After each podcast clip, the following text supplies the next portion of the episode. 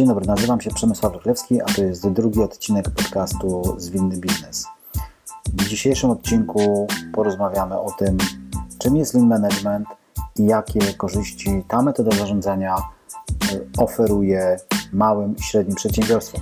Specjalnie nie poruszam tematu dużych firm, bo lwia część globalnych graczy ma wdrożony Lean lub jego odmianę, swoją wersję tego systemu, bądź też poszli jeszcze dalej i weszli w Six Sigma.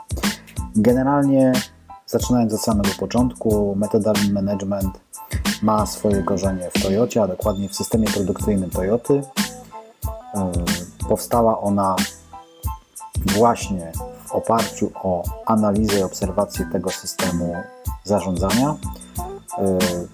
Można powiedzieć, że prekursorem systemu produkcyjnego Toyota jest pan Taichi Ono, który w 1950 roku e, założył, można powiedzieć, rozpoczął pracę nad systemem produkcyjnym Toyoty i przez ten cały czas, aż do roku 1980, niewiele było wiadomo o tym, co się w Toyocie dzieje. E, dopiero gdy Amerykanie zaczęli analizować wyniki sprzedażowe samochodów na swoim rynku i okazało się, że w czołówce są auta japońskie. E, I również podobna sytuacja miała miejsce nie tylko na rynku samochodów nowych, ale również używanych. To wszystkie największe organizacje produkujące samochody złożyły się i, i że tak powiem, sfinansowały badania na temat właśnie różnic pomiędzy amerykańskim systemem produkcji samochodów europejskim systemem produkcji samochodów i japońskim systemem produkcji samochodów. I efekty tych badań są opisane w książce Maszyna, która zmieniła świat. E, I co jest ciekawe, no, najlepszym systemem okazał się właśnie system produkcyjny Toyota, ale żeby nie dopuścić do tego, nie gloryfikować Toyota jako producenta, nie mówić, że system produkcyjny Toyota jest najlepszy, no to w tym momencie wymyślono słowo lean management, szczupłe zarządzanie, lean manufacturing, szczupła produkcja.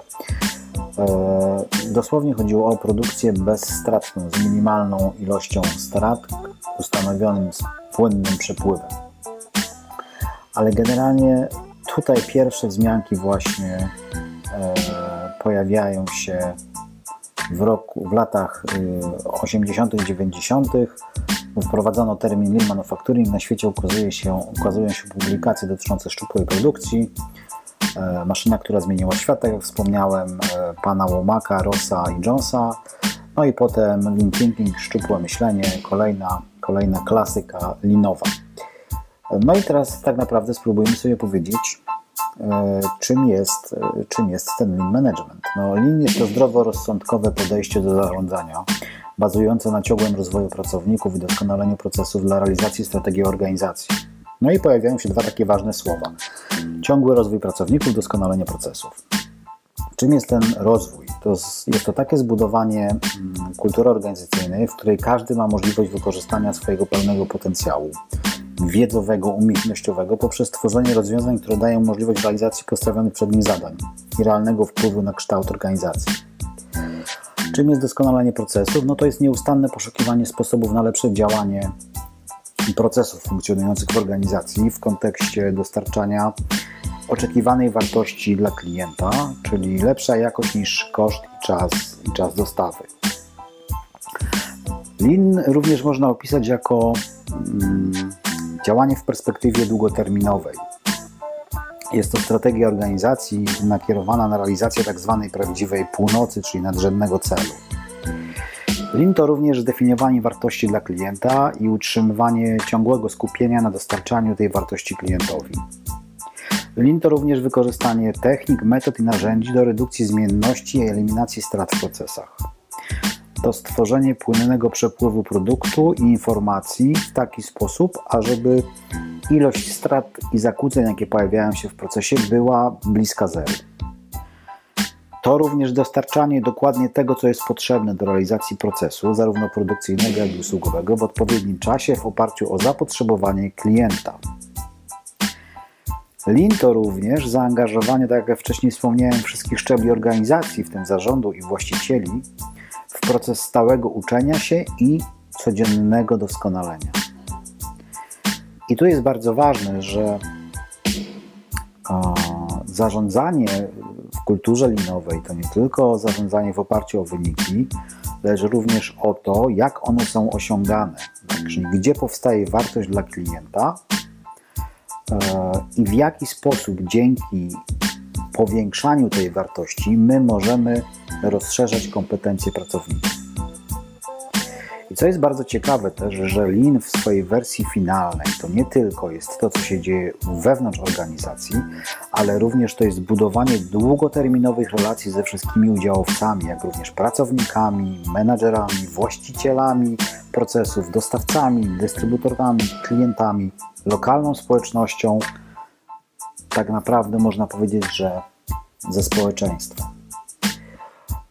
I co jest, co jest bardzo ważne w tym wszystkim, że jeżeli w swojej firmie będziesz chciał rozpocząć transformację i potraktujesz linię jako cudowny zbiór narzędzi i technik, która ma pomóc doskonalić e, Twoje procesy, to, to nie jest lean. To jest tylko narzędziówka. Tak? Żadna transformacja nie będzie możliwa do utrzymania, jeśli nie nastąpi transformacja ludzi. Co jest ważne? E, cały system, cały system e, opiera się, opiera się na takich pięciu wartościach. To jest precyzyjne zdefiniowanie wartości z punktu widzenia klienta, czyli dlaczego klient jest z nami, czego ten klient od nas oczekuje, za co klient płaci.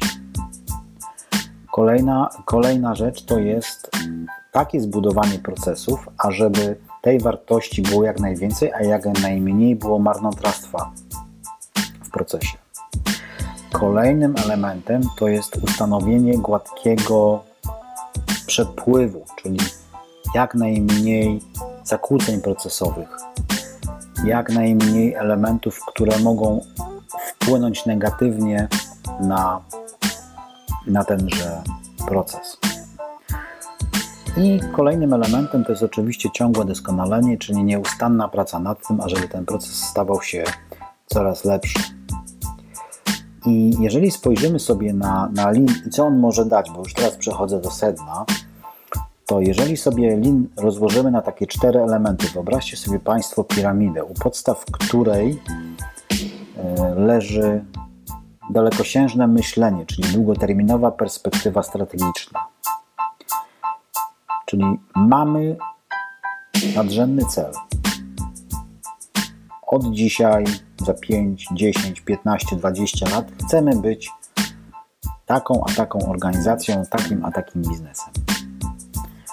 I żeby to się zadziało, no to musimy spojrzeć na to w czterech perspektywach. W perspektywie procesów wewnętrznych, w perspektywie finansowej, w perspektywie rozwoju i w perspektywie klienta. I przez ten pryzmat tych czterech perspektyw buduje się strategię działania. I ta strategia działania jest kaskadowana w dół na całą organizację, do pojedynczego pracownika. Jak się kaskaduje tą strategię w dół? No poprzez cele, które są cały czas spójne z tym nadrzędnym celem, który mamy do realizacji. Po co jest tak ważna strategia? Strategia pozwala nam utrzymać kierunek.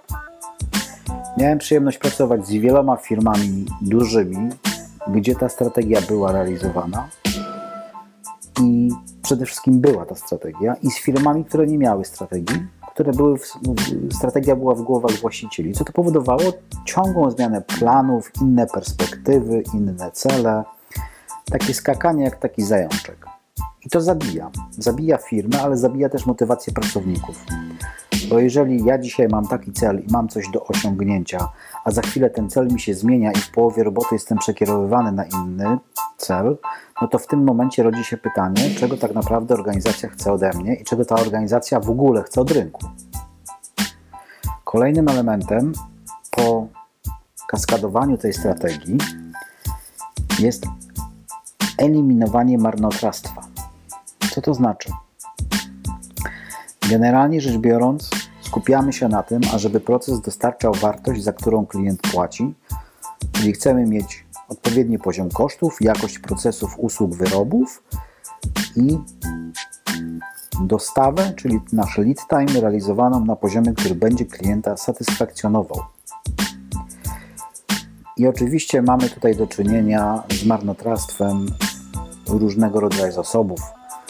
Ci, którzy już wiedzą coś o linie, no to na pewno znają 7 strat, można powiedzieć 8 strat, e, które, które mamy, jeśli chodzi o procesy i o linie. Więc ja tak na pokrótce, szybciutko to przypomnę, żeby tutaj za bardzo się nie, nie rozpraszać. Generalnie takie straty, które są widoczne, to oczywiście jest nadprodukcja, czyli produkowanie więcej niż klient oczekuje. Są to braki, czyli wyroby niezgodne z wymaganiami jakościowymi klienta. Kolejnym rzeczą to są e, zbędne ruchy, czyli, czyli wszystkie ruchy, które pracownicy muszą wykonać w trakcie pracy, a nie przynoszą żadnej wartości dodanej. Następną jest oczekiwanie, czyli pracownicy czekają na informacje, na towar, na, na poprzednią, poprzedni krok z procesu, który się skończył. Transport, czyli to jest e, przenoszenie pracy w toku z miejsca na miejsce, tak? Przetwarzanie bez wartości dodanej, kolejna strata. E, nadmiar zapasów, tak? Kolejny, kolejny element, czyli, czyli mamy dużo zamrożonej gotowych w zapasach. No i niewykorzystana inwencja, niewykorzystana inwencja pracowników. I te, te straty, one są kategoryzowane w, jako muda, natomiast jeszcze poza tym mamy dwa rodzaje, czyli muri to są e, straty, które wynikają z nadmiernego obciążenia pracowników, maszyn i procesów, a mura to jest nic innego jak zmienność i nieregularność działań, czyli brak standaryzacji. Ja się tu dalej nie będę w to zagłębiał, chciałem tylko Wam przybliżyć E, co, e, co rozumiem pod pojęciem strat zgodnie z e, metodą Lean Management. I teraz wracając z powrotem do, do tego, co, co mamy. Mamy, mamy dalekosiężne myślenie na rządzenny cel. Mamy proces i eliminowanie marnotrawstwa. Przyszedł czas na ludzi i partnerów, czyli szacunek dla ludzi, ale to nie chodzi tylko o to, że mówimy im, naszym pracownikom dzień dobry, tylko tak naprawdę chodzi o to, żeby stawiać przed nimi wyzwania, które będą rozwijać ich jako ludzi, jako pracowników, czyli poszerzanie kompetencji. E, to jest bardzo ważne. Również partnerzy, partnerzy, mam na myśli dostawcy, podwykonawcy, którzy pracują dla firm w kulturze linowej, są również wspierani w rozwoju poprzez y, nie tylko Toyota, ale inne marki, które pracują właśnie zgodnie z Lean, z lean Management. Co to znaczy? To znaczy, że gdy na przykład pojawia się jakiś problem, to ekipa e, z firmy zarządzanej zgodnie z kulturą minową jedzie tam i pomaga rozwiązać ten problem. Ja sam wielokrotnie brałem w takich warsztatach e, crossowych udział i naprawdę to były bardzo fajne doświadczenia. No i czwarty element to jest rozwiązywanie problemów, czyli ciągłe uczenie się dzięki doskonaleniu. E, i praca w gęba. W gęba, czyli miejsce, w którym powstaje proces. Tak? Nie, nie rozwiązujemy problemów na salach szkoleniowych, na salach wykładowych, tylko idziemy tam, gdzie powstaje proces. Jeżeli problemy są z procesem produkcyjnym, idziemy na produkcję. Jeżeli problemy są z procesem logistycznym, idziemy tam, gdzie ten proces jest realizowany. Jeżeli problemy są ze sprzedażą, idziemy gdzie? Gdzie jest proces realizowany? Do klienta, tak? pracujemy z tym, żeby to działało, a nie, a nie tylko na, e, na podstawie tego, czego, co wymyślimy sobie e, w sali szkoleniowej. I co jest bardzo ważne, że te rzeczy, o których tutaj rozmawiamy, te wszystkie elementy związane z kulturą linową, one nie wymagają e, jakiegoś wielkiego no, nakładu finansowego ale wymagają czasu. A my obecnie jesteśmy przyzwyczajeni do tego, że chcemy szybko, jak to się mówi, keszować e, nasze, nasze działania. Szybki chcemy mieć zwrot z inwestycji. A Lean jest to kultura organizacji, ją się tworzy. Ją się tworzy poprzez proces ciągłego doskonalenia, poprzez cel, który jest celem narzędnym, niezmiennym, poprzez rozwój pracowników, e, to jest rzecz, która jest rzeczą długofalową. Z tym, że co bardzo ciekawe, że jeżeli rozpocznie się pracę już z, z linem, to w pierwszym roku można powiedzieć, że, że oszczędności, korzyści są przeogromne. Po pierwsze to jest redukcja, redukcja strat, redukcja strat z procesu, 20-30% lepsza wydajność, większe zaangażowanie pracowników w pracę, e, redukcja kosztów, e, ponieważ eliminujemy straty. E, skrócenie czasów realizacji zamówień, no bo eliminujemy z procesów straty. Skupienie się na tym, co jest najważniejsze dla organizacji, bo mamy spójną strategię dla całej firmy. To nie musi być jakaś wielka kobyła napisana 400 strony, nie. Dobra strategia, która dla małej organizacji to jest kilka stron papieru, e, X-Matrix do tego i możemy ruszać. Tu, tu nie, nie myślmy o strategiach pisanych gdzieś na, na, na jakieś wielkie poematy. To ma być z sensem i skupione na realizacji zadania. Więc nie potrzeba tutaj nie wiadomo jakich zasobów finansowych. Oczywiście wymaga to pewnych inwestycji w edukację pracowników, w zmianę sposobu myślenia. E, często zatrudnia się konsultantów zewnętrznych, zresztą ja jestem zatrudniany jako konsultant, który takie działania przeprowadza. Więc tutaj jest sporo różnego rodzaju metod działań, które pozwalają na tą transformację linową. Można oczywiście również robić to samemu, tylko pytanie, czy, czy mamy taki, taką wiedzę, umiejętności. Jakkolwiek byście Państwo wybrali kierunek, w który chcecie pójść, czy zrobić to samodzielnie, czy, yy, czy zrobić to pod okiem doświadczonego konsultanta, yy, czy być może Wasz klient ma kulturę linową i on może Państwu w tym pomóc. Cokolwiek zrobicie, będzie to na pewno z dużą korzyścią dla Was. Jest jeszcze jedna bardzo ważna rzecz że wiele dobrych elementów jest już w Waszych organizacjach i my tutaj nie wymyślamy koła na nowo. Pierwszą rzeczą, która się dzieje, jest ocena stanu obecnego, czyli jak obecnie funkcjonuje organizacja, co można wykorzystać, jakie wartości niesie za sobą, a dopiero później na podstawie tego wprowadzać zmiany i korekty, tak ażeby skierować się na ten tryb szczupłej organizacji działającej zgodnie z duchem linowym, zgodnie z kulturą linową, zgodnie z zasadami lean management. Czego Państwu z całego serca życzę. Jeżeli ten materiał był dla Was wartościowy, subskrybujcie podcast, lajkujcie, zapraszam na mój profil na Instagramie. Dużo wiedzy praktycznej. Dzielę się tam swoim 15-letnim doświadczeniem jako linowiec, 10-letnim jako konsultant no i cóż, do usłyszenia w trzecim odcinku. Pozdrawiam serdecznie, Przemysław Rychlewski.